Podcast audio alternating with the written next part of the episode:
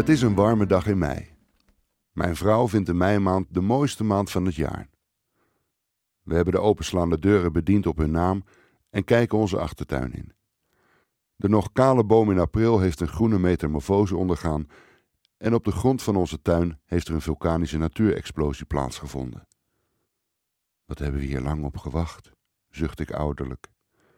Ik sla mijn vrouw een arm om haar schouder heen. Thuis. We zijn net terug van de boot. Kamperen bij de boer is ons alle vier goed bevallen. We hebben onze kinderen voor het eerst wat meer vrijheid gegeven op een onbekende plek.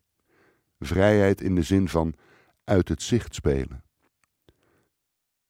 Onze dochter van vier liep zelf naar de stal van de schapen en lammetjes en kwam vervolgens na een kwartiertje weer terug. Blijf je niet te lang? Nee, hey. En hier weer terugkomen, hè? Ja, ha. Als ik terugkom van de bakker en het erf oprijd, zie ik onze zoon op de trampoline springen. Waar is mama? vraag ik. Weet, spring. Ik spring niet. Douche, denk ik. Hij is safe. Het cliché houden van is loslaten geldt ook voor mij. Voordat we de boot nemen om weer van Terschelling af te gaan, liepen we met z'n vieren naar het uiterste puntje van de haven, de golfbreker op. Een dunne dijkstrook met op het einde een omhoogstaande bol, een dikke stip, met een lampje erop voor de boten. Het glinsteren van de Waddenzee, mijn gezin daar zo zien staan, het deed me wat en even leek de tijd stil te staan.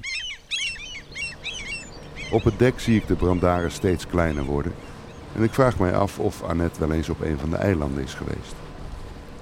Ik heb haar ruim twee weken niet gezien. We hebben een afspraak gemaakt via de mail. In mijn gedachten lopen Annette en ik door de winkelstraat van Westerschelling en duw ik haar de duin op om bovenop het machtige uitzicht te zien. Ik denk ook aan mijn eigen beide oma's en ik moet eerlijk zijn. Ik mis ze nog steeds. Mijn oma Keizer is overleden toen ik een jaar of twaalf was en mijn andere oma rond mijn dertigste. Het leven komt en het leven gaat. Hoe jonger je geconfronteerd wordt met de dood van een dierbare, hoe langer zij in gedachten blijven leven. Ik geef mijn vrouw een kus op haar voorhoofd en stap op de fiets richting Annette. Moet ik een bloemetje meenemen? Op de mij al vertrouwde gracht parkeer ik mijn fiets en kijk omhoog naar haar raam. Ondanks dat ik tegenwoordig een sleutel van haar huis heb, bel ik aan. Ik wil mijn komst niet quasi-familiair pas gestalte geven in haar woonkamer. De deur gaat open en ik schrik van wat ik zie. Annette in een linnenbroek met een zwart hemdje aan met dunne bandjes. Te veel bloot voor Annette. Ze maakt een wat verwarde indruk. Je bent te vroeg, snauwt ze.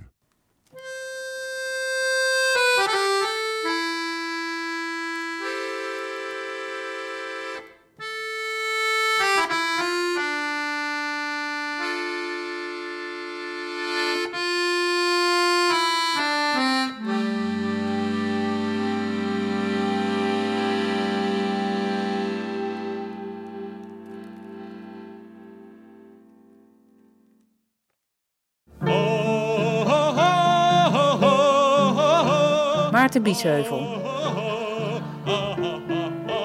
Zijn beste verhalen, Je hoort wel eens van die onhandige mensen. gebundeld in een twintigdelige podcast. Ik geloof dat ik vroeger ook, en nu spreek ik van heel lang geleden, wel tot het onhandige deel van de mensheid behoorde. Bij de VPRO. Ik kon het niet langer binnenhouden en braakte het vloermatje tussen mijn voeten vol. Gemaakt voor NPO Radio 1.